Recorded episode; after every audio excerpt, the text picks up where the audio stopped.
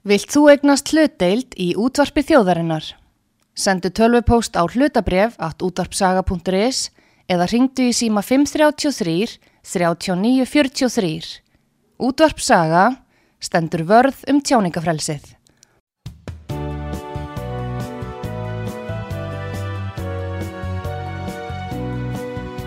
Sýteðis útvarpið á útvarpisögu í umsjón Arnþróðar Kallstóttur.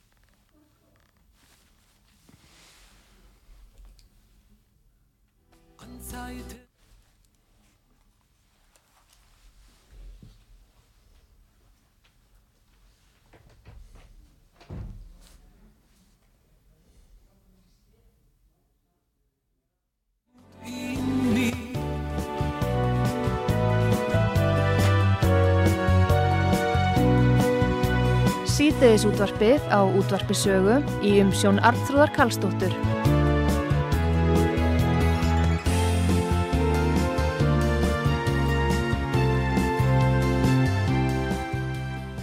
Komið þið sæli fyrir að hlusta út á sögu Artrúðu Kallstóttir heilsar ykkur komið til mín góðu gestur Snorri Másson.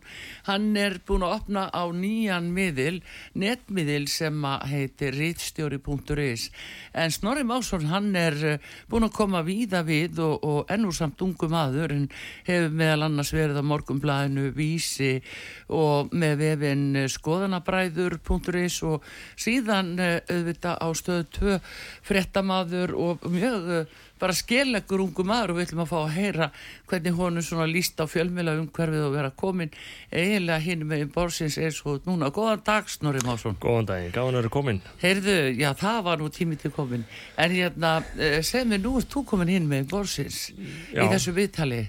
Að einhver leiti, jú, jú, vissulega hef ég verið núna, já, það er mjög þarna uh, ólíkt að vera að spyrja spurningarna og að vera að svara þeim en, en uh, auðvitað er maður, uh, hefur maður unnið við að spjalla árum saman þannig að maður nú, al, getur nú bullað út í eitt alveg viðstöðu laust en það er mjög gaman að koma inn út á sög, gaman að, sérst að því að nú er ég komin í minn sjálfstæði fjölmælrekstur eins og þú Já. vekst nú að, það var alltaf gaman að bera sama bæku sína við aðra sem eru á þessum sama velli. Eh, og ég er mjög ánægð með aðstæðunar sem komin með, búin að koma ykkur upp hér og gaman að vera í beinni útsendingu líka. Ég stunda ekki beina útsendingar sko, þannig að það er aðeins öðruvísi. Hér látum við allt flakka en það verður ekki tekið tilbaka? Nei, nei, það er bara einmitt eh, kannski munurinn á þessu að, að þeirra, sko, svo við kannski sem erum í þessum beinu útsendingum og gerum náttúrulega endalösa vittleysur í beinni en uh, við erum á svo vöndi við getum alltaf verið í upptöku.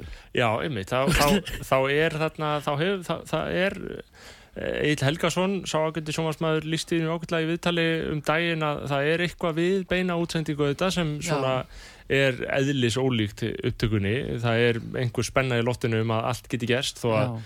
sjálfnast gerist, gerist nú nokkuð skapað hlutur eða svona þannig eh, en eh, ég var nú oft í beinum útsendingum eh, þegar ég var í frétturum og stöð 2 þannig að ég Já. þekki það og er skal ég segja staðræðin í því að hefja beinar útsendingar á einhverjum tímapunkti einhverju mynd á netinu þegar fram í sækir. Nú, en þá eins og segi ég er að koma upp mínum fjölmila fjölmi, fjölmili sem heitir ritstjóri.is og eða ritstjóri og ég er Snorri Másson ritstjóri, ég er nú eini starfsmæði miðilsins að svo komnu máli og þess vegna horf ég nú öfundar augum á þetta ágæta starfslið sem þú ert með hérna hefur á útarpisögu já, þannig að já, e, þið þurfum ekki að hafa ágjör af, af ógninni mér í, að svo komnu máli. En, en skal ég segja þér sko beinar útsendingar e, þær eru ekki farnar þó að sko hinn línulega sjónvarsdagskrá Já. eigi undir högg að sækja vegna þess að það er skal ég segja þér bara auðvitað neyslu minnstur fólks hefur breyst og það sækir ekki mikið í að horfa á hlutina þegar þeir gerast í sjónvarpinu. Það eru e, það er hluti eldri kynnslóða sem er ennþá vanar að horfa fréttir á meira minna já. tilsettum tíma Já. en, en allar e, öll tölfræði segir okkur að sá neytenda hópur sé á útleið af markanum mm. þannig að ég sæki frekar inn á e, já, inn á framtíðina sem er þessi símiðlun sem við höfum búið við og er stundum sársöka full en mjög góð sko. Já, þannig að við sem erum að- hlusta á rúf og kvöldfréttir og svona, við erum fortíð. Nei, sko, ég meina, við erum við það fortíð? nei, ég meina sko eins og ég segi bara að, að það er kannski frekar uh, tímasetningin og útsendingar formið sem ég held að, að þjóni ekki lengur uh, þörfum fólks uh, en, en, uh, en svona fréttir per se og góð umfjöllun verður alltaf held ég mikil smetin í samfélaginu og það þarf einhvern veginn að finna leið til þess að halda þessu uppi. En það er líka þessar nýju leiðir nú fara að hlusta á sko, hvorsin það eru sérstakki þættir eða uh, útvarp sjónvarp eða lesa blöðin og podcast og, og, Anna, það, fólk fyrir bara í síma sinn og, og hefur þetta við hendina og getur þetta svo aðgengilegt í dag. Já, og sko, og það er, það er hlið neytandans og hvernig neytandin neytir, efnis og síðan hef ég einsýn í hlið, eh, já, ennsku þá er núna tölur umræðu um að vera creator, það er að segja skapari, Já. skapari efnis. Eh, þetta er svona almennt heiti við þá sem búa til efni fyrir internetið og einhvern veginn jafnvel vinna við það. Uh, út frá hans hlið þá hafa teknibreitingarnir ekkert síður verið náttúrulega algjör bylting. Ég væri aldrei upp á uh, mitt einstæmi að uh, setja á stopn heilan fjölmiðil ef ekki veri, væri fyrir gífurlegar tæknibreitingar sem hafa gert það mögulegt þar að segja Já. að ég get komið svo á koppin með því að bara vera einn í tölvunni og Já. það bara hefði verið óhugsandi fyrir uh, tíu árum, hvað þá Já. fyrir 30-40 árum Já. þannig að þetta hliðvörslu hlutverk uh, fjölmiðlana sem áttu tæknibúnaðin, áttu innviðina og áttu uh, þekkinguna og áttu svo framvegis og svo framvegis þeir gátu haft ákveðin uh, ákveðin svona ég segi ekki, e- einogun er ég meira þeir áttu þennan markað en núna er, núna er þetta orðið þannig að hver sem er getur byrjað, síðan eru það vinnubröðin og ég hef tilengað með vinnubröð blaðamennskunar, ég hef þau í heiðri. Ég eh, sannreini hluti sem ég fer út með, ég fjalla um mál sem ég veit eitthvað um. Ég eh, reyni að, að skrifa af sanngirni en ekki og, og, og, og, og mér eru svona fáar annarlegar kvatir í já. svo, svo má segja sko. þannig að þetta er bara í raun og veru tæknibilding sem gerir blaðamennum klift að starfa án þess sem fylgir því óhjákvæmilega að starfa hjá stærri stofnunum. Þá ertu Já. alltaf að hugsa hvað þarna þú veist, geti verið að setja þetta svona fram? Er einhver rítstjóri hér, er einhver frankvæmtastjóri er einhver, hérna, sá sem borgar með launin mín? Er hann einhvern hátt líklegur til þess að vera óánað með einhvern hluta þessa efnis eða hvernig það er? Nú þegar ég er sjálfstæður Já. og ég sé fram á að geta reykja mig fjárhagslega með þeim hætti þá bara þarf ég ekki lengur að hugsa um það. Maður á í, fullt í fangi með að hugsa um sko, viðbröð bara lesenda og svona þannig að maður þurfi ekki alltaf að vera líka hrættur við einhvern Akkurat, já, já, það er hérna svona þessi hulda hönd sem er yfir, sko, þetta er náttúrulega alveg tvíþætt, eh, sko, prentmiðlar og vefmiðlar, þeir tilkynna sér náttúrulega bara skráði miðlar, en við sem erum með ljósvakamiðlana, í því formi svo þetta lýsa, við erum háð því að fá leifi, við erum leifiskild og Já. þurfum að gangi gegnum ímislegt, fá allskins vottorð uh, og leggja það fyrir síðan fjölmilanemnd og stef og fleira að hvort að við fáum leifið, við erum semst leifiskildi fjölmilan og erum þar að leiðandi alltaf með þessa hangandi hönd yfir okkur. Já og ríkið náttúrulega hefur ákveðna tilnefningu núna um, um þessa myndir til þess að gera sér mjög gildandi á fjölmennamarkaði Mm. og e, ég segi ekki að það sé markmið einstakra starfsmanna ríkisútarsins að hafa einokun á ljósvaka markaðinum en ég myndi segja að það væri markmið þess organisma sem ríkisútarpið er ef við lítum á ríkisútarpið sem einhvers konar lífveru Já. sem er kannski ekkit endilega nöðsynlegt að gera en ef við bara sem samkvæmsleik þá getur við lítið á ríkisútarpið sem lífveru sem hefur sjálfstæðan vilja. Já, og auðvitað hefur svo lífvera sem, sem með sjálfstæðan vilja á fjölmiðlamarkaði vilja til þess að drottna yfir öðrum miðlum. Eh, og þannig að það er, það er einn armur ríkisvaldsins sem reynir að eh, já, hafa verulega áhrif á hugsun uh, þegna. Síðan erum við með uh, til dæmis stofnun eins og fjölmiðlalend uh, sem eins og þú segir, ræður löf, lofum og lögum um það hver hefur rétt til þess að fjölmiðla. Að vísu sko í raun og veru eru alla skilgreiningar sem fjölmiðlalend getur stöðst við úreldar að öllu leiti vegna þess að hva, hvað er eins og einhver lísti um daginn, ég meina þegar Egil Helgason skrifar á Facebook síðu sína einhvern status er það fjölmiðlastarðsemi? Ég myndi segja að það væri ákveðin fjölmiðlastarðsemi hefur hann leifi til þess að gera það? Er hann fjölmiðil sem slíkur þegar hann gerir það? Varla, þetta eru bara einfallega nýjir tímar þar sem að þessar eldri skilgreiningar eiga ekki við. Eh, persónlega þá held ég að við gætum komist upp með að taka þessi nöðsynlu hlutverk fjölmjölulendar og setja starfsmann í ráðunetti í 40% starf til að sinna þeim já, og leggja þetta bara niður. En, en sko eh, ég skil nú að, að, að, að, fólk vil, vilji halda eitthvað utanum þetta einhverju leiti og hafa yfir sín yfir fjölmjölastar sem í landinu og svo framvegis og gæta þess að já að einhverjum svona formsatriðum sér fyllt. En, en ég hugsa oft með þessa fjölmjölend ég veldi fyrir mig sko hvert hlutverk þessari nefndar er nákvæmlega. Þau eru alltaf þau eru stanslöst að gera einhverjar skoðanakannanir og, og fjallum einhver mál sem maður svona veldi fyrir byrju, hvað, akkur þetta, akkur hlutverk fjölmjölendar endilega að sko þarna, fylgjast með snjattsíma nótkun barna þó að það sé halvalegt mál í sjálfu sér sko, en, en þetta er svo óskilgreint fyrirbæri og dæmi um ríkistofnum sem einhvern veginn vindur upp á svo og byrjar að bjúa til eigin mál til þess að halda sér gangandi sko. en enga síður, fjölmennlend ríkisvaldið, ríkisvaldið hefur sjálfstæðan vilja til þess að drotna í fjölmennmarkaði og sem betur fyrir höfu við teknina til þess að bjóða upp á einhvern annan valkost því hérna út á sög, ykkar sjónamöðum verölduna eh, Já, já. ég er með mín sjónamöðum verölduna ég, ég er svona verðinlegur borgaralega sinnaði maður bara sem, sem bara skrifa um það sem ég sé sko. já, og, já, og uh, ég held að það sé ekkert sérlega rótækt við það sko. en enga síður er ég bara svo heppin að við búum í frjálsu samfélagi sem Já. ég geta sko. allavega ennþá allavega Já. ennþá en svona hins vegar talandu ríkisútvarpi ég ætla nú að taka upp hanskan fyrir ríkisútvarpi Já. að því leitinu til að, að þetta var náttúrulega lengst af bara eh, eini miðlinn á markaði og svo kom rást tvöskilur og það þótti algjör bylting Já. fyrir 40 árum að, eh, það var bara á mjög gráu svæði hvort að menn getur fallist á það. Já. þetta er þó mikið popp og menn reyfist á alþingi hvort ætti að leifa litasjónvarp. Það er bara fyrir sko 45 árum. Og þá var það talið jafnvel hættulegt. Svo lesa að þú er ímyndaði breytingarna sem verða á síðustu áratugum og þá hafði ríkisúttarpi mjög mikilvægt hlutverk og svona öryggislutverk um svo að tala um því að þeir þurftu líka að senda út viðfregnir og til sjófaranda og annað sem að tali lífsnausileg en með breytti takni Já. þá bara uh, gerist þess ekki þörf og þessna er til dæmis dreifingin og rúf, hún er komin í gegnum sín og, og annað Já, sko, já, sko öll þessi hefðbundnu, þessar hefðbundnu og, og eldri réttlætingar og tilvist ríkisútarsins, Já. þær eru meir og minna úr sig gengnar og þá er þá, þá, þá, þá þarf að finna upp nýjar og segja að þetta sé almanna útvarp og snúist um að upplýsa þjóðina og gegni Mhm. svona hlutverki í líðren og margt af því er, er bara hægt að ræða fram og tilbaka og sjálfsagt Já. að eiga þá umræði en það er ekki hægt að láta eins og útvarpið hafi minnsta almannavarna hlutverk ég held að tæknin gæt gerir til dæmis bara almannavörnum kleift að senda bóð sjálfstætt í alla Já, síma. neyðalínan Eh, vísir.is og minn gamli miðl er yðurlega á undan ríkisútvarpinu Já. með allar fréttir um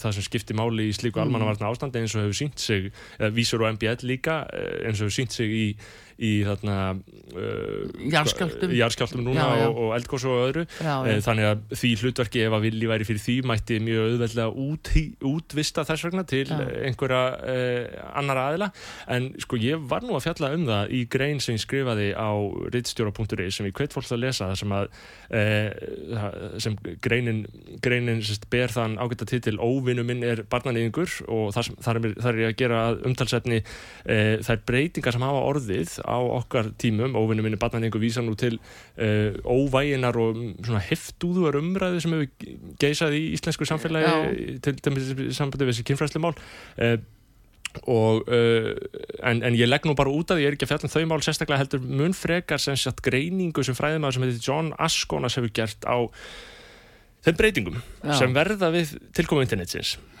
Og þær breytingar hafa það í för með sér að mannkynnið mun líklega ekki aftur komast að sama allsherjar samkomu lægi um veruleikan og það hafði áður en internetið kom. Þar að Já. segja með massafjölmjölum með dagblöðum, síðan á einhverjum tímpúti líka með ljósvakamiðlum í einhver tíma þá var hægt að halda fólki í meira og minna sömu heimsín bara allir Já. voru að lesa það sama, allir sá það sama.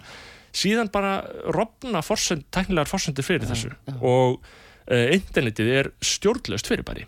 Og núna eru að lifa tíma. Þar sem að sumir uh, hafa ennþá trú á því að það sé hægt að halda í þetta samkomulega um verulegan aðrir eru búin að gefast upp á því og halda að við förum þá freka bara í svona bálka eða uh, einhvers konar nýja bálka eða trúarbálka eða það sem að hópatin trúa hverju sem fyrir sig. Uh, en þeir sem er að reyna að halda í þetta samkomulega um verulegan og vilja ríkisvaldi skilgrinni þennan veruleika þeir munu auðvitað beita bröðum til þess að loka á upplýsingar. Og það er það sem við munum sjá núna og ég vonu að skrifa um það líka í gær að uh, að Evrópasambandi í, nýri, í nýjum lögum, stafrænu lögum eins og þau heita, sagt, uh, Digital Service Act, uh, eru þar að færa sagt, ríkisvald, ríkisvaldi innan Evrópasambandsins hverju ríki fyrir sig tölverð völd til þess að grípa inn í starfsemi samfélagsmiðl og krefja þá um að loka og upplýsingar sem ríkisvaldi tilur hættulegt eða skadalegt og þetta er svona ákveðna rítskoðunar heimildir en við erum að fara, maður hugsa stundum ok, hérna á 19. öld, þá máttu ekki gaggrina danska konungin eða Já. Heinrich Heine, uh, þýskur rittöfundur sem er í eftirlæti hjá mér, hann var sendur úr Þýskalandi útlegð til Fraklands af því hann var að skrifa á gaggrinn hátt um stjórnvöld þar maður hugsa alltaf, ó, þessi tími það sem engin frjálsumræða var ég held að á einhver leiti þá er hægt við því að á í vestrannu líðræðisríkjum séu við að sigla inn í slíka tíma aftur uh, á sömum sviðum, það eru sömum mál sem þarna sem ég held að verði erfitt að ræða. Ég von ekki og ég hef alveg, ég hef alveg væntingar um það til þess að hér á Íslandi að við búum mjög vel. Við búum í frálsvið líðaði samfélagi og við erum ekkert sérlega trubluð af eh, við sem erum að reyna að mynda okkur skoðan á hlutum og tjá okkur. Við erum ekkert sérlega trubluð af, af ríkisvaldi eða, eða, eða reyðskoðanu tilbörnum þess. En það er alltaf ástæðilega að vara við þeim ef, man, ef manni finnst þeir kræl, láta sig kræla eins og þú gerir nú og, Já, og þið gerir nú. Jú, jú, og þá uh, vomir þetta yfir okkur einmitt að, að fjölmjölunemdin hefur uh, uh, tæki og tól til þess að uh, kalla eftir rittstjóra ábyrð á efni sem byrtist. Já, Og- er það svo? Geta þeir, Já, já, geta þeir já. einhvern veginn, en hafa þeir eitthvað, hefur eitthvað látið á það að reyna? Hefur fjölmjörnlöndin eitthvað gert sér gildandi í að reyna að reytskoða fólk? Eða er það bara svona einhver möguleiki? Þetta er möguleiki Já. sem vomir yfir Já, og, og, og nú er náttúrulega verið eins og við búum við núna uh, eins og hvað það hefur nú verið bara sangjant og gott á margan hátt Já. en núna vofir yfir okkur uh, akkurat þetta að uh, það er ákall fyrir fórsættisáþra að þingi samþykki sérstaka tillugu um hatursorræðu Já. og jafnvel ný stopnum sem því á að fylgja sem á að fylgjast með svo kallum sa, hérna, samsæriskenningum hatursorræðu Já. og falsfréttum í fjölmunum Er það, er það þá mannréttinda stofnunum? Eða, hvað- já, nei, já, það er það sem Sko, bara á að koma núna segi, ég hef ekki lesið þessa tillögu sem þú ert að vísa til með nákvæm hætti. Ég þekki ekki til þess nákvæmlega að vinstri grænir hafi í hyggju að herða lögum hattursorraðu ég veit að uh, Katrín Jakobsdóttir henni er tíðurætt um hattursorraðu og hún uh, vildi skikka starfsmenn hvort tvekja á ofnbæru markaði og þínu ofnbæra geira og á almennu markaði á uh, einhvers konar námskeiðum hattursorraðu já, já, Eh, og ég hef sagt á, ég sagði það í fréttum vikunar, ekki núna síðasta fyrsta heldur, þar síðasta fyrsta þá sagði ég að vinstri grænum sem stjórnmálafli er enga veginn treystandi til þess að fjalla um hattursorraðu fyrir þau draga þau ummæli tilbaka að uh, ummæli Davís Þórs Jónssonar prests uh, um að vinstri grænir séu fasistar vegna útlendingamála, hann sagði það einhvern mann og þá sagði Orri Páll Jóhansson sem er uh, held ég þingflóksforma já, græna já, já. þá sagði hann að með þessum ummælum væri Davíð Þór að ala á hattursorraðu já.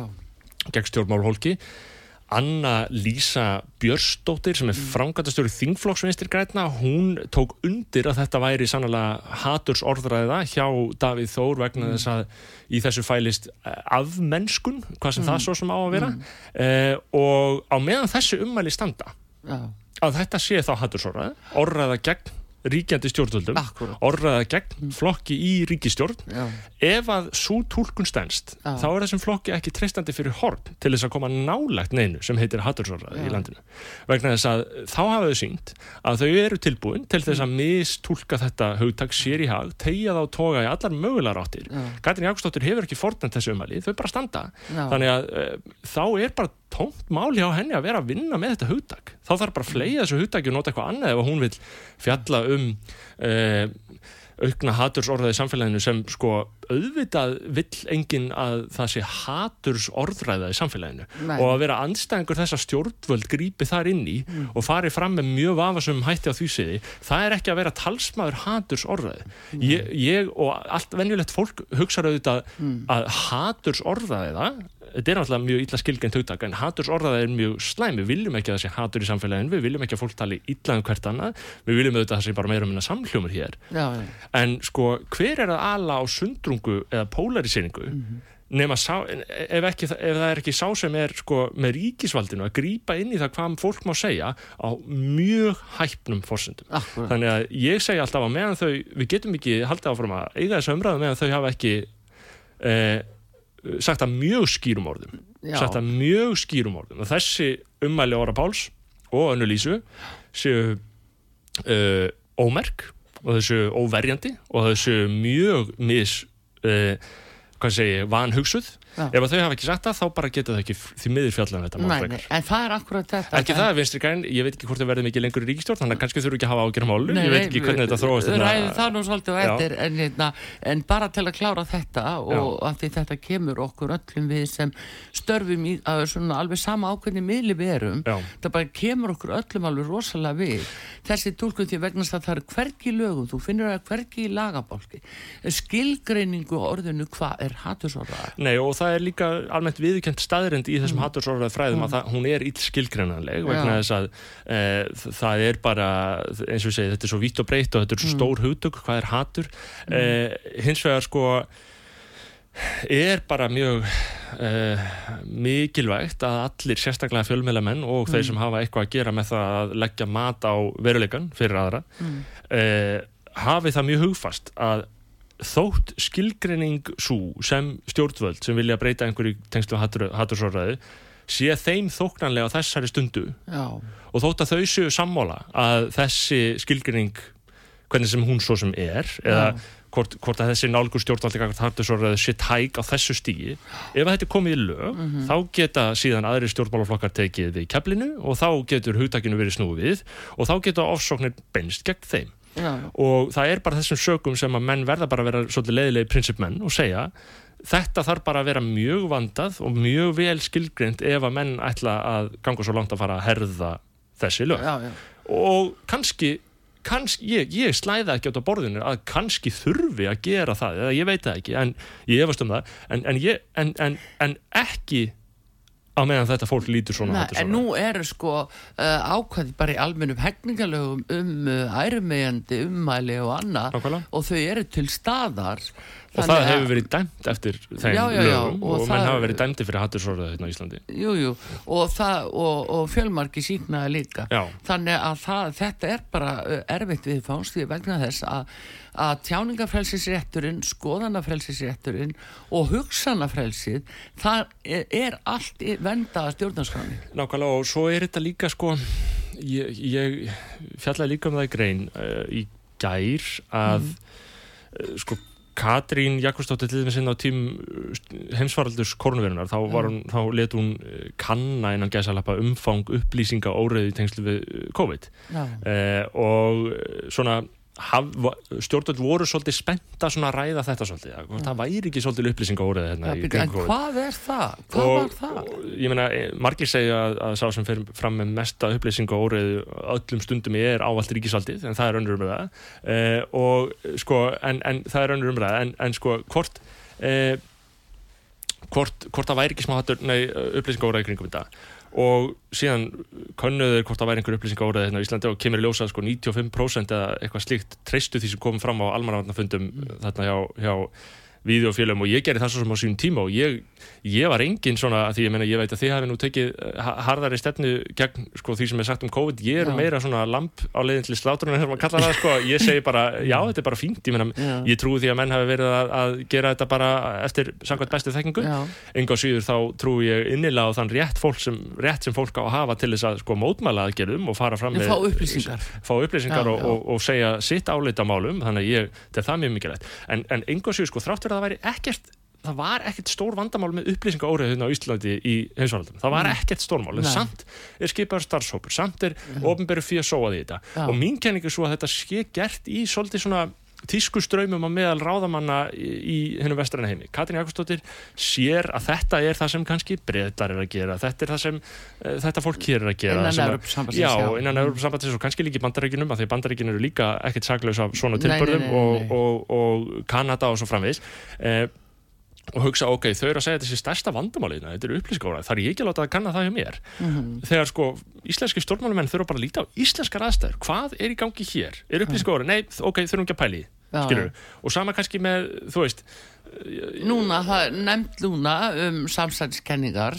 já, ég hef ekki, ekki séð gögnum um þessa nefnd, ég þyrst að lesa mig til það, en það kemur ekki óvart. Já, hún er þar, Eirikur er. Bergmann, prófessori þar. Já, og hefur tjáð sig um það og þetta er nefnt sérst um skipu um, og að finna samsæðiskenningar í þjófélaginu já, og uh, þetta er hægt að líka að taka sko stjórnvöld geta á hverjum tíma alltaf sagt herri við ætlum að láta skoða þetta og þennan fjölmili og þennan af því það eru já. sem að henda okkur ekki því oft kemur það í ljós að svo kallaða samsæðiskenningar þær eru bara ískaldu veruleikin Já, já, og, og það bara, sko, síðan er, síðan er það hitt. Ok, segjum að það séu samsæðiskenningar hérna á sveimi. mm.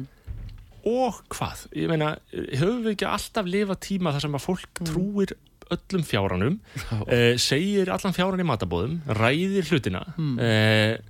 núna byrtast þessa kenningar okkar á netinu líka, kannski mm. öðlast þær eitthvað aðeins eh, kannski fara þær á meira flug á netinu mm. en þetta hefur alltaf verið í gangi en hingað til höfum við ekki talið sérstaklega áriðandi að stjórnvöld grípi inn í og ráðist að tjáningafrelsi fólks uh, ég segi sko höfum bara hugur ekki til þess að sko þóla það að heimsmyndir verða núna margar.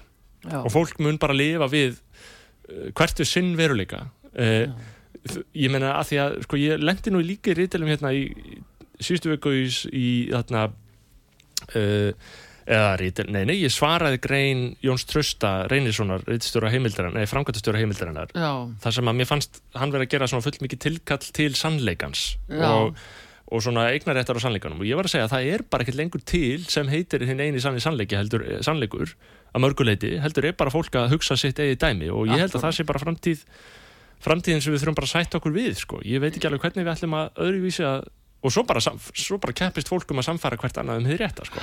já, já, það er nú akkurat þetta leitin að sannleikanum og, og uh, það er líka það sem við þurfum að horfa dálítið til að hvað er okkur sagt og hvenær er verið að mata Já. hvenær er verið að mata fjölmila og það er kannski svo breyting sem við höfum séð á ríkisútarpinu því miður hinn síðari ár eins og hvað ríkisútarpi var gott hér í eina tíð og, og, og mikilvægt núna aftur á móti er hlutverk ríkisútarpins orðið gjör breytt þeir eru ekki endilega að fara með þetta öryggislutverk og þeir eru jafnvel ekki endilega að fara með þetta menningarhlutverk eða fréttahlutverk vegna þess að það, það er ákveðna svona ákveðni ströyma sem að, að liggja þar yfir það bara ein skoðun það Já. þrátt fyrir að þeir eigi að hafa fjölmarkar skoðanir á Já, hverju máli ég- samkvæmt lögum um þá. Sko í mér svona berjast tvö sjónamið í þessu. Ég, eitt þráður í mér vill endilega að uh, ríkisútarpi bara hætti að flytja fréttir vegna þess að það er óhjákvæmilega að fara að vera ákveðin pólitísk slagstíðað í þeim. Uh, en hinn þráðurinn vill að þau flytja áfram fréttir vegna þess að ég í mínum fjölmjölastörfum ég vil bara hafa sem mestar fréttir og ég vil bara hafa sem mesta fjallum og mesta sjá og ég vil bara hafa sem mestar upplýsingar. Já, og ríkisúttarpið náttúrulega aflar mjög mikil upplýsinga, þetta er mikil skrásetning heimilda, það er tekið um viðtölum mjög marga. Og síðan er þetta svona með mitt er aðalega svona með um, um eða svona ef að ég mætti velja mér eitt mál sem er mikilvægsta mál í heiminu fyrir mér sem þá er það bara varðveisla íslenskra tungu. Ríkisúttarpið gegnir og mikilvæg nú íslensku fræðingur. Já, já, já. ég læri íslensku á sín tíma Já, og, og talar ofsalega flotta íslensku, ég vil bara segja það. Já. er gaman að heyra einhver fjölmjöla mann gera það. Já, þakka þér fyrir það. Uh, uh, þarna, en, en sem sé já, ég, ég, ég myndi segja að sko út frá málverndar málverndar sjónamiði þá er ekkert galið að vera með stóra einingu sem einfallega vinnur rosalega mikið magn efnis á íslensku og sérstaklega um, um málefni sem sko myndi ekki reka sig að fjalla um að öðrum kosti þar að segja ef þú væri með uh, ég meina öll umfjöllum um sinfóníu eða óperu eða ímis menningamál sem væri ólíklegt að myndi standa undir sér á hinnum um, á hinnum óvægna frjálsa markaði. Já. en uh, þar finnst mér auðvitað ríkisútarpi skipta máli uh, síðan spilaði stundum svona gamla þætti uh, það sem að til dæmis ég var að hlusta á þáttum Stefán G. fjallaskáld um daginn það sem að var, við, þetta var gert um aldamóti hugsa, stundum heyri á þáttum ok, er það gott að það getur ekki verið að, að neitt sé að búta til núna uh, og, og mér finnst að ríkisútarpi ætti að gera allan lagerinn opinn til Já, dæmis já. en nei, nei, ef maður hefur samband við safnið þeirra þá er bara veist, þá er það bara heljarinnar stjórnsýslu ferli að fara, fá eitthvað úr safnir úf ég held að þeir séu að vinna eitthvað að því að opna þetta alltaf og gátt sko. Já, en já. það er, finnst það mesta, mestu verðmætin í ríkisútvarpinu er, er skrásetning sögunar uh, en eins og ég segi, þetta er svona maður er á báðum áttum með þetta. Auðvitað sko auðvitað uh, uh, vilja þessa miðstöð tungumálsins en en ég skil að margir eigi erfitt með að, að þurfa að, að sko, horfa á ríkisútarp sem hefur ákveðina pólitíska afstöðu. ég Já, það, það er það er orðið dálítið ábyrrandi núna að þeir hafa mjög skýra lagaskildu sem eða réttlætir til dæmis allt þetta fjárhaustuðangað Já. og reksturinn og, og kostnaðin uh, á kostnað okkar hinna unni Já, ég meina og sko ég hef unnið, ég vann lengi hjá stærstu enga stöð, sjómarstöð á landinu eða hún sé ekki orðin eina sjómars enga stöð á landinu ja, Ringbraut er farin, N4 er farið uh, eru fleiri sjómarsútsendingum, ég veit það ekki Nei, ég held ekki nema ekki maður segja. Skilgrinni Já. hlaðvarpsveiturnar sem sjómarstöðar og ég meina samstöðin er að vísu líka með jú, núna eh, og eru duglegir við bara að skapa svona skilega samfélagsumröða líka. Uh, já, sem sagt, eh, ég vann á stöð 2 og það er bara ekkert grín að vera í samkeppni við rúf vegna þess að auðvitað hegða starfsmenn sér þar eh, bara eins og fjöl, starfsmenn fjölmjöla eiga hafa sér, þeir vilja vinna, vilja vera bestir. Já, Uh, þannig að þegar þeir hafa 7 miljardar króna forskot á ári þá uh, er erfitt að keppa við þetta. Já, og þá þarf ríkið að spyrja sig er þarna er eðlilegt að ríkismiðlinn sé að valta yfir enga miðla já. sem eru frjálsir í sinni tjáningu er eðlilegt að, að einhver marki Og gegna er unni mjög svipuðu hlutverki og oft á tíðum betra hlutverki. og síðan er sko þegar maður fyrir að hugsa þessi mál og fyrir að setja þau nýtt samhengi og hugsa um það hvernig lífi við höfum lifað hérna á Íslandi sko hver, nú ert þú eldri en ég, hvað ár var það sem sko Aðeins já.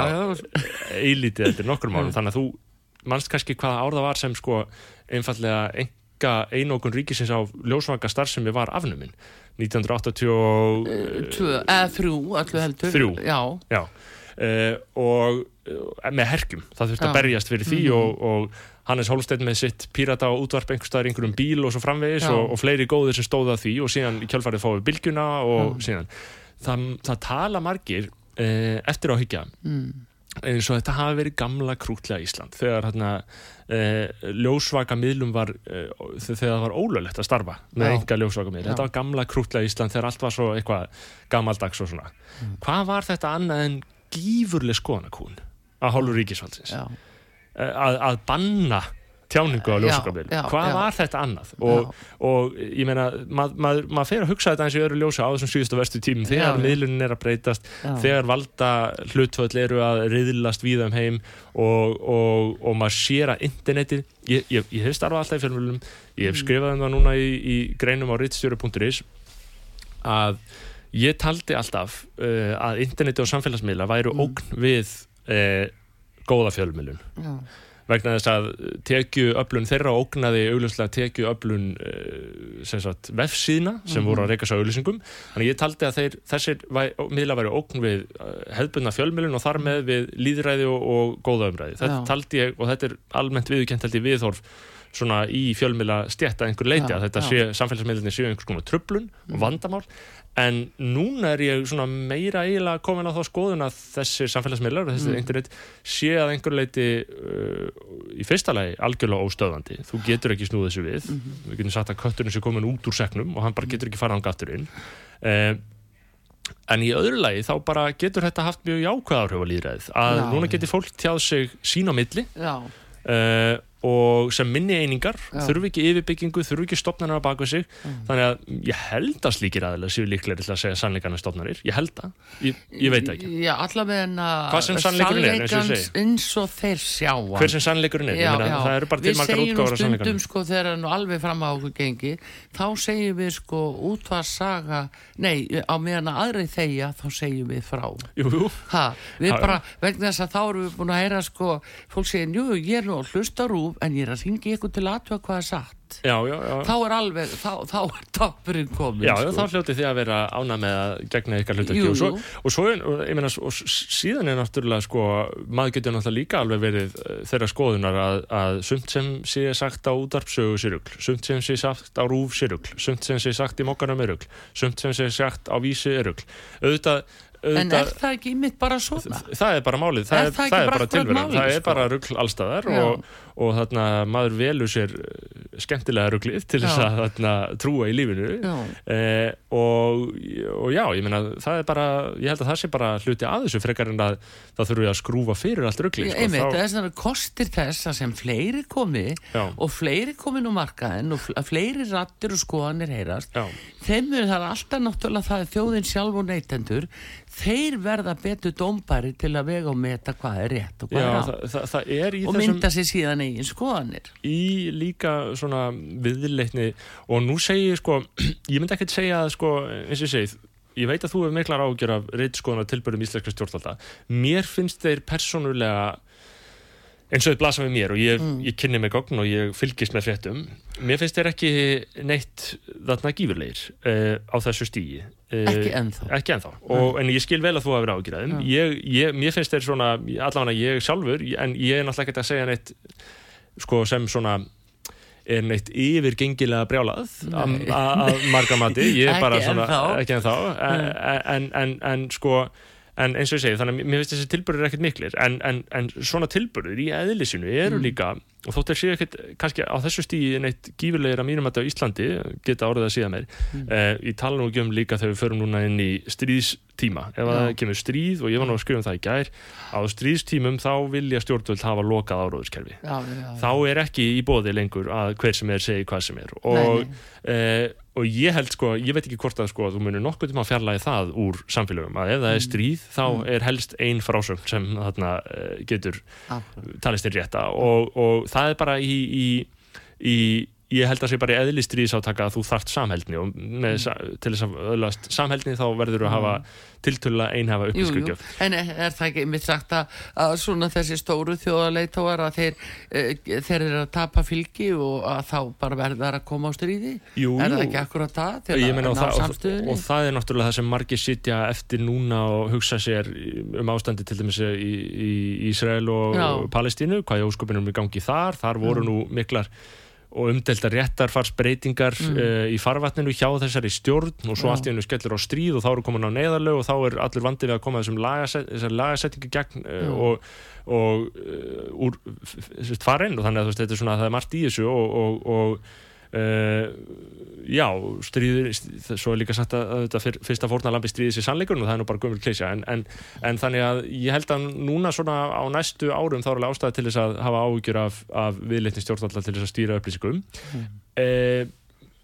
já, en, en sko já hún er alltaf byggð á svona hún er alltaf, þetta er alltaf byggt á svona einhverju öryggis áráttu uh, gagvart því að fólk get ekki bara að hugsa sjálfstætt sko. uh, að halda fólk sér svo vittlust að það get ekki bara metið málinn sjálf Já, sko. en það er líka margótt búið að segja fólki það Já. þeir eru ekki fær til þess að fara í þjóðratkangræsli því þið hafa ekki vit á því Nei, nei. þú veist, þetta er oft skilabóðin sem eru send Já, þannig að það er nú margt sem hefur gengið á já, En eh, Snorri Másson, við hérna núna þurfum að fá auðlýsingar hér á útvarpisögu, höldum áfram að fara aðeins í nýjustu fréttina sem er náttúrulega bomba, fjármálar á þeirra búin að segja af sér og algjör óvisa uh, hvað tekur við, en uh, þeir eru sem sagt að hlusta út á sögu Artrúð Kallstóttir, Snorri Másson nýr uh, fjölmiðl á bakvið hann, riðstjóri.is og við erum að, að spjalla við þennan unga ressamann sem er komið til leiks sem fjölmiðla stjórnandi en við komum aftur eftir skamma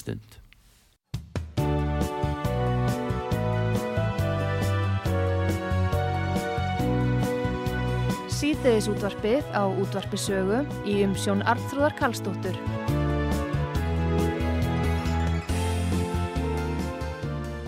Komið þið sæl aftur, Snorri Másson á reitstjóri.is er gestur hér fyrir um frettamaður og langreindur blamaður, þráttur í ungan aldur, en við erum að ræða um fjölmila og fjölmila umhverfið og breytingar og netið og allt sem að, við erum að takast á við núna, en síðan er það Snorri, það er bara nýjustu frettir, hvað myndi Snorri Másson skrifum núna, uh, fjármálar á þeirra búin að segja af sér?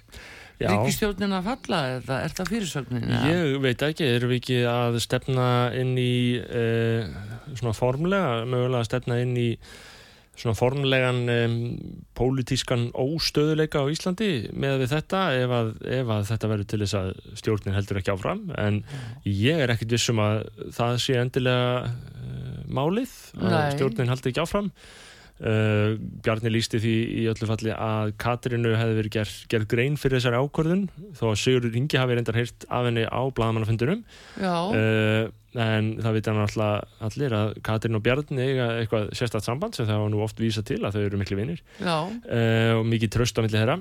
Jú, og þarf að vera undir þessum kringustæðum. að sjálfsögðu.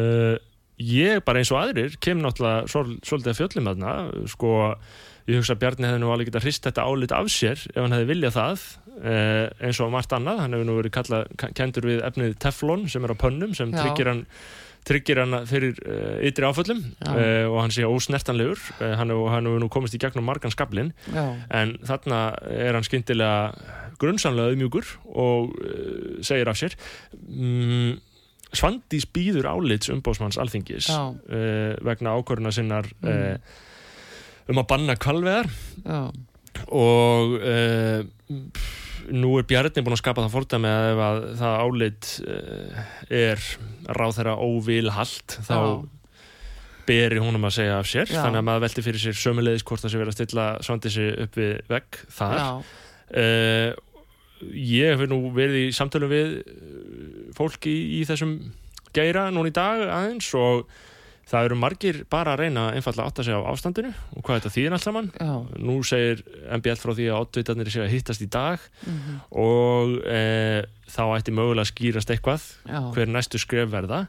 En er þetta ekki óeðlilegt að við fáum fjármálar á þeirra þarna inn í pontu í ráðunetti með stuttum fyrirvara á blaðmannfundi þar sem hann segir ég er hættur á ráðara og engin ákvörðun hefur verið tekinn í næstu skref. Hvorki hvað var það þingflokkin hvorki hvað var, nýja hvað var þar eh, ráðuneytið hans mm, eða ríkistjórnar sæti eða sérst ráðherra sæti í ríkistjórninni Mm. eða þá hvað var þar ríkistjórnar sambandið ríkistjórnar samstærið yfirleitt. Já, þannig að þetta er svona uh, að því leitinu til algjörlega þrjumór heiskilofti og mjög óljóst í hvað stefnir hér já, já, uh, nema bara þau ætla að halda áfram setja Þórdísi Kol, Kolbrúnu í fjármálaráðandi Bjarni fari í utanríkisráðandi Já, fáið þar einhvers konar uh, mjúka lendingu út úr stjórnmálunum farið svo að gera það sem þetta fólk gerir síðan eftir stjórnmálun, farið kannski einhvert sendiráða eða hvernig það er. Já, bara í Washington, já, já.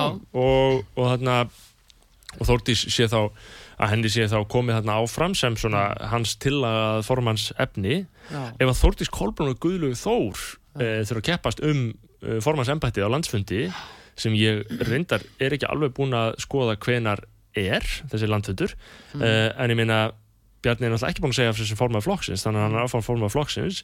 Ef að, ef að er þið háð á milli Þórdísa Kolbrúnar og Guðlugs Þórs. Það er náttúrulega mjög spennandi að horfa Já, já. hvað myndi, En er það það enda. ekki samt sem að nú er, sko, hefur verið svona minkandi kannski án, ánægja með uh, Þórdísi Kolbrúnu.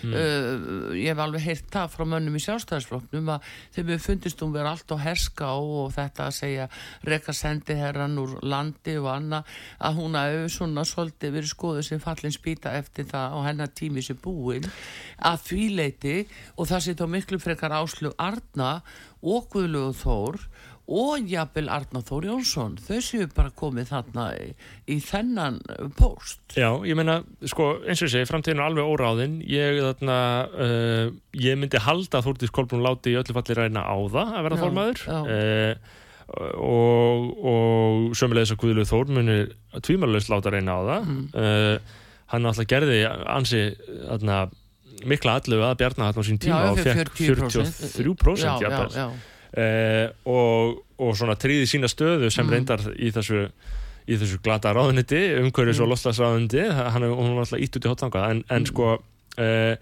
þannig að þetta eru spennandi tíma framöndan, en sko rosalega þarna, óljóst hvað þetta á alltaf, alltaf fyrir silla manni auðvitað svona býður í grun að það sé einhver flétta í þessu sko. Veist, þetta er ekki gert í einhverju algjör hugsunarleysi og bara svo sjáum við til hvað gerist heldur er býr eitthvað baki sagt, menn eru að hugsa eitthvað með þessu. Erum við ekki samt að horfa upp á svona nýja stjórnunahætti? Verðum við ekki bara að segja maður að taki nú hattinn ofan fyrir bjarna að bara fara þá og stíga til liða með þessum hætti? Af því að nú hefur þeim verið leiði svo á hálsi fyrir það á Íslandi segir enginn af sér. Eins og við sjáum allstar hérna í nágrannalöndunum þegar fjúka hægri vinstri ráþærandi bara núna í Nóriði síðast Já, ég meina, auðvitað væri það þarna, ákjósanlegt ef að kjörni fulltrúar bæru uh, ábyrð gjörða sinna en Mm. ég meina, svo eru þeir samt bara kjörni fulltrúar sko, þannig að þeir Já. eru bara kostnir og geta bara setið eins þeir vilja meðan þeir eru ekki kostnir frá uh, hins vegar er svona svona ákveðnar leikreglur um Mm. að eins og þetta greinilega að svona álit eigi þá bara leiða til þess Já. en ég meina sko ég myndi segja að ef að ef að, ef að menni að taka það alvarlega taka þessa afsögn alvarlega sem einhvers konar uh, viðurkenningu á ábyrð á málinu þá Já. myndi maður halda að þá þyrfti að fylgja þessu afsögn sem formað flokksins og að, að segja sig frá úr stjórnmálum sko. Mi- Já, ég myndi, ég myndi, ég myndi að halda að það væri einhvers konar svona uh, algjör uppgjöf sem, Mm. sem myndi þá eh, virkilega undirstreika að þarna væri fólk að taka ábyrð hins vegar sko ef hann fyrir síðan bara eitthvað annar ráðuneyti þá er þetta líkist þetta meira fléttu sko en Já, og það er nefnilega spurningin sem að líka, sem við halda því að nú hefur verið styrt þarna á milli engum og sérlega vinstri græna og síðan sjálfstæðisflokksins átakamálin í sumar, kvalveðarnar allt þetta við sáum það í máli áslögur Örnu sem er allt íni búið að vísu að fá alveg yfir þyrmandi fjölmjöla umfjöllun sem maður skil nú ekki alveg en gott og vel. En hérna e, var það ekki kannski undan fari að það er við þetta stjórnarsamstarf er bara slitna? Jú, eh, eins og segi, ég tel það ekkert útilokað en þetta stjórnarsamstarf hefur alltaf verið sagt vera að slitna þannig að uh, það er lífseikt Mm. uh, en ég bara veit ekki hvort það sé komið að því. Uh, ég sé ekki alveg hvaða hagsmunni að kannski að sjálfstæðisflokkurinn sé spenntur fyrir því að drífa sig í kostningar uh, vinstir Mm. grænir ættu líklega ekki að vera spenntur fyrir því. Og framsónaflokkurinn ekki heldur. Allavega samkvæmt skoðanakörnum er þetta Já, já, fólk ekki að jú, siglingu jú, jú. en þeir fengi nú einhvern fyrirvara til þess að kynna sér málefni svo framvegis. En, en já, þetta er svona það fer að stað svona mikil óvissu alda í kringum þetta. Þetta náttúrulega skapar eh, já, ég meina sko fjármálaráð þarf að átta sig vel á því að hann gerir þetta ekki að létt út hann, þetta, er ekki sko að, að fjármálaráð þeirra ríkistjórnar segja af sér á svona viðkvæmum tímapunkti í ríkistjórnar samstarfi það sendir ákveðnar öldur um samfélagið óvissu öldur og Mhm. hvort sem það er viðskiptalífið eða eitthvað annað Já, Það- segðu fjárlögin vegna þess að nú Já. er fjárlagafrumvarpi fyrirlíkjandi Já. og er í umræðinni og breytingar þar og annað Eh. þannig að maður svona fær aðeins kannski uh, tilfinningu fyrir því að þarna jafnvel uh, viti bara ráþæran uh, Bjarni fráfarandi að uh, hann viti bara að staða fjármála sé það þung að hann bara segir, heyrðu það verður ykkur annar að taka þennan bolta. Já, ég veit ekki. Og, og, svo er, atna, og svo er samfélkingin náttúrulega mælast með yfir 30% af fylgi uh, og þetta væri En það er nú líka, er það ekki óanæg, fylgir líka. Jú, jú, það er ákveðin svona Já. það er ákveðin svona, þetta er öruglega einhver hluti að þessu er að refsa sínum flokki með því að velja Já. annan í skoðanakörnum og svo framvegis en þetta væri náttúrulega himnasending fyrir flokki í slíkri stöðu að fá kostningar strax að þá getur þau keirt á að þetta sé ekki stöðut samstarf og að þessum flokku sé ekki treyst þessu framvegis, þessu framvegis Mm. og mögulega sótt eitthvað að þessu fylgi sem það er að mælast með í skoðanakörnum þannig að Mm. ég, ég sko ég er náttúrulega erfitt að þegar maður er náttúrulega þegar verið að taka maður upp að segja að ég spái því ekki að stjórnin slitni að því að hún getur alveg gert það Já. en ég veit ekki, það kemur enga síður samt og óvart ef að menn ætla ekki að þrauka þetta einhvern veginn og bara Já. endur ræða þessu Jú, jú, og svo sjáum við náttúrulega að nú annað eins og þú gerst að fólk hefur skipt um ráðinu sko. heldur betur, Lilja Alfredsdóttir hefur verið að sækja umtalsvert eh, í síðveðrið og ymmit í bankamálunum, fjármálunum og samkeppnismálunum sem er náttúrulega bara gríðalega stór mál sem tengjast eh, bara inn á fjármálin eh, og fjármála gera mjög mikið þannig að hún er líka kannski kandidat sem gæti farið þarna inn já, já, akkurat og, og, Mm. og ég veit nú samt ekki hversu rest, eins og við kallum það flokks eigandafélagi sjálfstæðarflokknum væri með að, að fá Lilju Alfredsdóttur inn í Mm. fjármálaðandi, en að hún hefur nú slegið ansi margar svona uh, finnst mér að, og, og maður veit aldrei hversu mikil alvara er að baki því en, en, og framsónaflokkurinn almennt hefur slegið hans sem margar svona svona vinstri legar keilur í til dæmis umræðu allir um þessi bankamál, þar er þarna hann Ágúst Bjarni Þingmaður sem Já. hefur yðurlega komið fram í fjölmjölaviðtölum með svona e, a- með svona skoðanir í bankamálum og öðru sem svona e, eru mjög vinstramegin á rófinu þannig að svona það, ég veit ekki hvort að sáflokkur myndi, myndi koma beint inn í fjármálalandir í stæðin fyrir Bjarna en, en það er bara svo mikil óvisa um þetta. Það er bara mjög erfitt að, að, að láta hafa eftir sér eitthvað um það hvað í ósköpunum er að fara að gerast þarna Nei, nei, við náttúrulega erum bara svona orðin eins og spákunum Við erum bara að gjamma, við erum bara að gjamma. Við erum að gjamma Við erum að lesa í þetta en það Já. er náttúrulega það sem að gerir okkar starf kannski svolítið erfitt það er að kunna að lesi atbyrði líðandi stundar Jú, jú, og sko þarna, já, ég er svo sem líka eh, í mínum störfum á rittstjóra og, og öðru þá leitast ég nú við að ég er með vikulegan hlaðast þátt Já. þar er ég eh, öllu jöfnu sko já, svolítið að leggja mat á hlutina en ekki bara segja frá staðrindum eins og það byrtast okkar í, í venjulegum miðlum. Uh, og uh, það er oft þarna, það er oft ansið svona uh, mikið eitthvað sem svona fólk spár í að þeim finnst ekki venlu fjölmjölinni vera nógu mikið að gera einhverjar skýringar heldur bara að leggja staðarinnar á borðið. Já, og kannski skiptist þetta bara hægt og rólega upp sko, að einhver Já. fjölmjöla verði bara í hreinum og klárum upplýsingabyrtingum og bara Já. byrsta skýrslunar eins og þeir koma og, svo framvegis og aðrir verða þó í að skýra þær freka þannig að það er það er líka svona ákveðin hlutleysi krafa á uh, sem er náttúrulega í grunninn ekki virt en, en, en er svona yfirbor, yfirborslega hlutleysi krafa gangvart öðrum fjölmjölum og þá er svona fólk, fólk saknar þess ofta öll sagan sér sögð í Já, þeim sko, já, fólk já. er En svona það náttúrulega kannski gerist ekki bara í snöggum fréttum. Heldur það krefst þess að það setur svolítið rannsókn að vinna á bakviða Mm. og meira fréttaskýringar og það kannski vantar me- meira fréttaskýringar en þú hefur verið svona svolítið að, grafa upp mál og verið að fara onni mál. Þú ert svona dálítið rannsóna blaðamaður í þér. Já, ég var nú að deila um þetta hugtak rannsóna blaðamenn sko, en þess að ég var að segja að þætti þetta að vera kúunar hugtak sem er nei, jaðarsetja uh, blaðamenn sem ekki eru rannsóna blaðamenn Já, í, já. með, með því að gefa skinn að þeir rannsaka ekki neitt. En auðvitað rannsaka blaðamaður sitt viðfáðsefni og lesið til og, og uh, allar greinar Uh, sem hafa verið, sem eru skrifaðar af blaðmanni sem hefur unnið Mm. lengi í fæinu og ég er nú ekki búin að vera lengi í fæinu en, en auðvitað svona safnast árin hægt og rólega saman, ég er búin að vera í þessu í 2018 ka- með rúmlega fimm ár.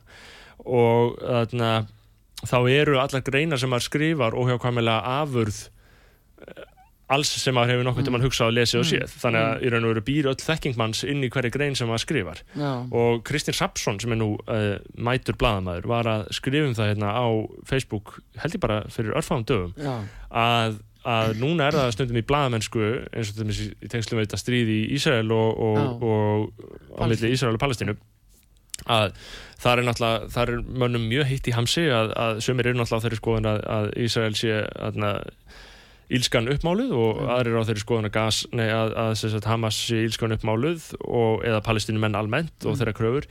Eh, og og Kristinn ég held nú að hann sé heldur á þeirri skoðun að hafa efisendir gagvart Ísraelsríki en, en ég skal ekki fullunum það. En, en hann þarna var að lýsa því að núna er það talin uh, slagsíða og meðvirkni og pólitík þegar blaðamenn lýsa baksögu einhvers fyrirbæris. já, Það er að segja ef þið byrja grein mm, um atbyrðu líðandi stundar á því að rekja að búa, sk- skapa eitthvað samhengi þannig að það er búið að njörfa blaðamenn niður og ég fann alltaf fyrir því að uh, í, í, í bara svona hefbundi hefbundinni blaðamennsku Já. að það var ekki eftirspurn eftir því að menn væru að svona einhvern veginn fjallum mál í svona einhverjum breyðum skilningi og setja þau samingi við, við fyrri atbyrð og svo framvegis að það er alltaf talin vera að því að auðvitað, hvaða baksögu velur þau? Eins og hvaða Já. baksögu velur þau þú ert að fjalla um Ísrael og Palestínu? Uh, það fer bara eftir því hvað þið finnst um stríði í raun og veru og það er auðvitað þannig en, en, en þú getur ekkert fjallað um svona atbyrð í tómarúmi, það er ekkert þannig það er engin atbyrð þannig að þú getur bara sagt hann og, og að merking hans einskorðist bara við þá Mm. atbyrði sem voru að verða heldur gerist hann í einhverju víðu samhengi. Og þess vegna finnst mér ég loksins svo frjáls. Ekki það að sko, henni hefðbundu fjölmiðlar. Ég vil endilega að þeir þrýfist ég vil endilega að, að allir séu að skrifa og allir séu að ringja og skrifa og afla upplýsingar en allt Já. gagnast þetta. Þetta Já. hefur allt einhvern tilgang hvort sem maður trúir öllu í þessari grein eða ekki eða svo framvegis. Eh, ég upplifi loksins í mínum störum á rittstjóru.is og líka í, í hlaðarsumfjöldun sem ég er með líka og, og síðan lesi greinarnar inn í hlaðvarp og hefða þannig í útvarpi og svona. Uh, ég upplifi loksins að sko, núna get ég bara sko, ef mér finnst eitthvað samhengi þurfa í einhverjum fréttaflutningi, þá bara lýsi ég því, ég bara segi það þú veist, og þá bara og svo bara tengi ég málun einhvern veginn saman. Ég þarf ekkert að hugsa, heyrðu, hvað veist, og svo bara les, leggja við lesendum mínu í mat á það hvort að þetta sé aðna, þeim að skapið eða ekki, Akkúrat. velja svo að vera í áskrifti eða ekki, velja svo að lesa þetta eða ekki, uh, en það er engin annar sem, sem segir, heyrðu, sko ekki vera að nefna þetta, þetta, er, þarna, þetta hljómar eins og þú sért að þetta Einmitt, einmitt. ég bara skrifa frá hjartanu skrifa frá hjartanu um staðrindir, það er bara og Það er það sem við gerum aftur á móti í talmáli hér, Jú. við bara tölum frá hjartanum. Já. Það er bara þannig sem það byrtist. Já, já, heyrðu mikið gaman að, hérna, spjalla við því Snorri Másson og hérna, við óskuðir alls góðs og, og, og bara takk fyrir komuna og Já. gangið er vel, það er Snorri Másson á reitstjóri.is og hérna, við ætlum bara að senda þér svo- svona hjartans kveðjur með þér. Og það er einmitt tips um hafs sem ætla bara að spila það fyrir okkur. Og, og, það, og bara takk fyrir komuna. Takk hérlega fyrir mig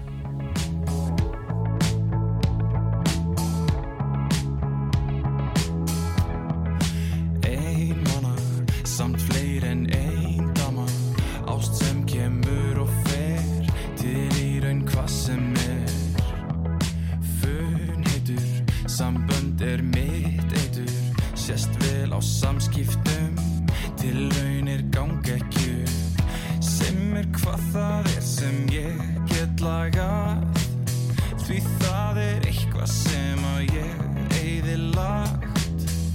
Jarðaður að eðal kvendi Skrifa smá skilabóð Teka mér mynd og sendi. Það er eitthvað hjartan í mér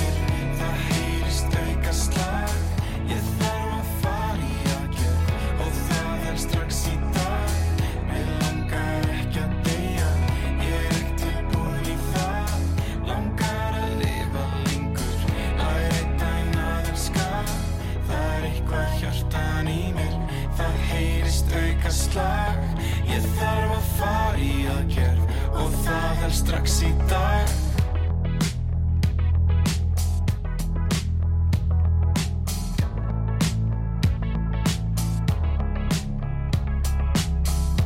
Ætla ég hinga eða fer ég þanga Erfitt að segja til í ég stjórnleysi.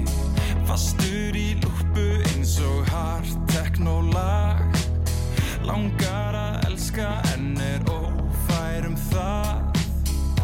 Þrá að þrá. Langar að langa.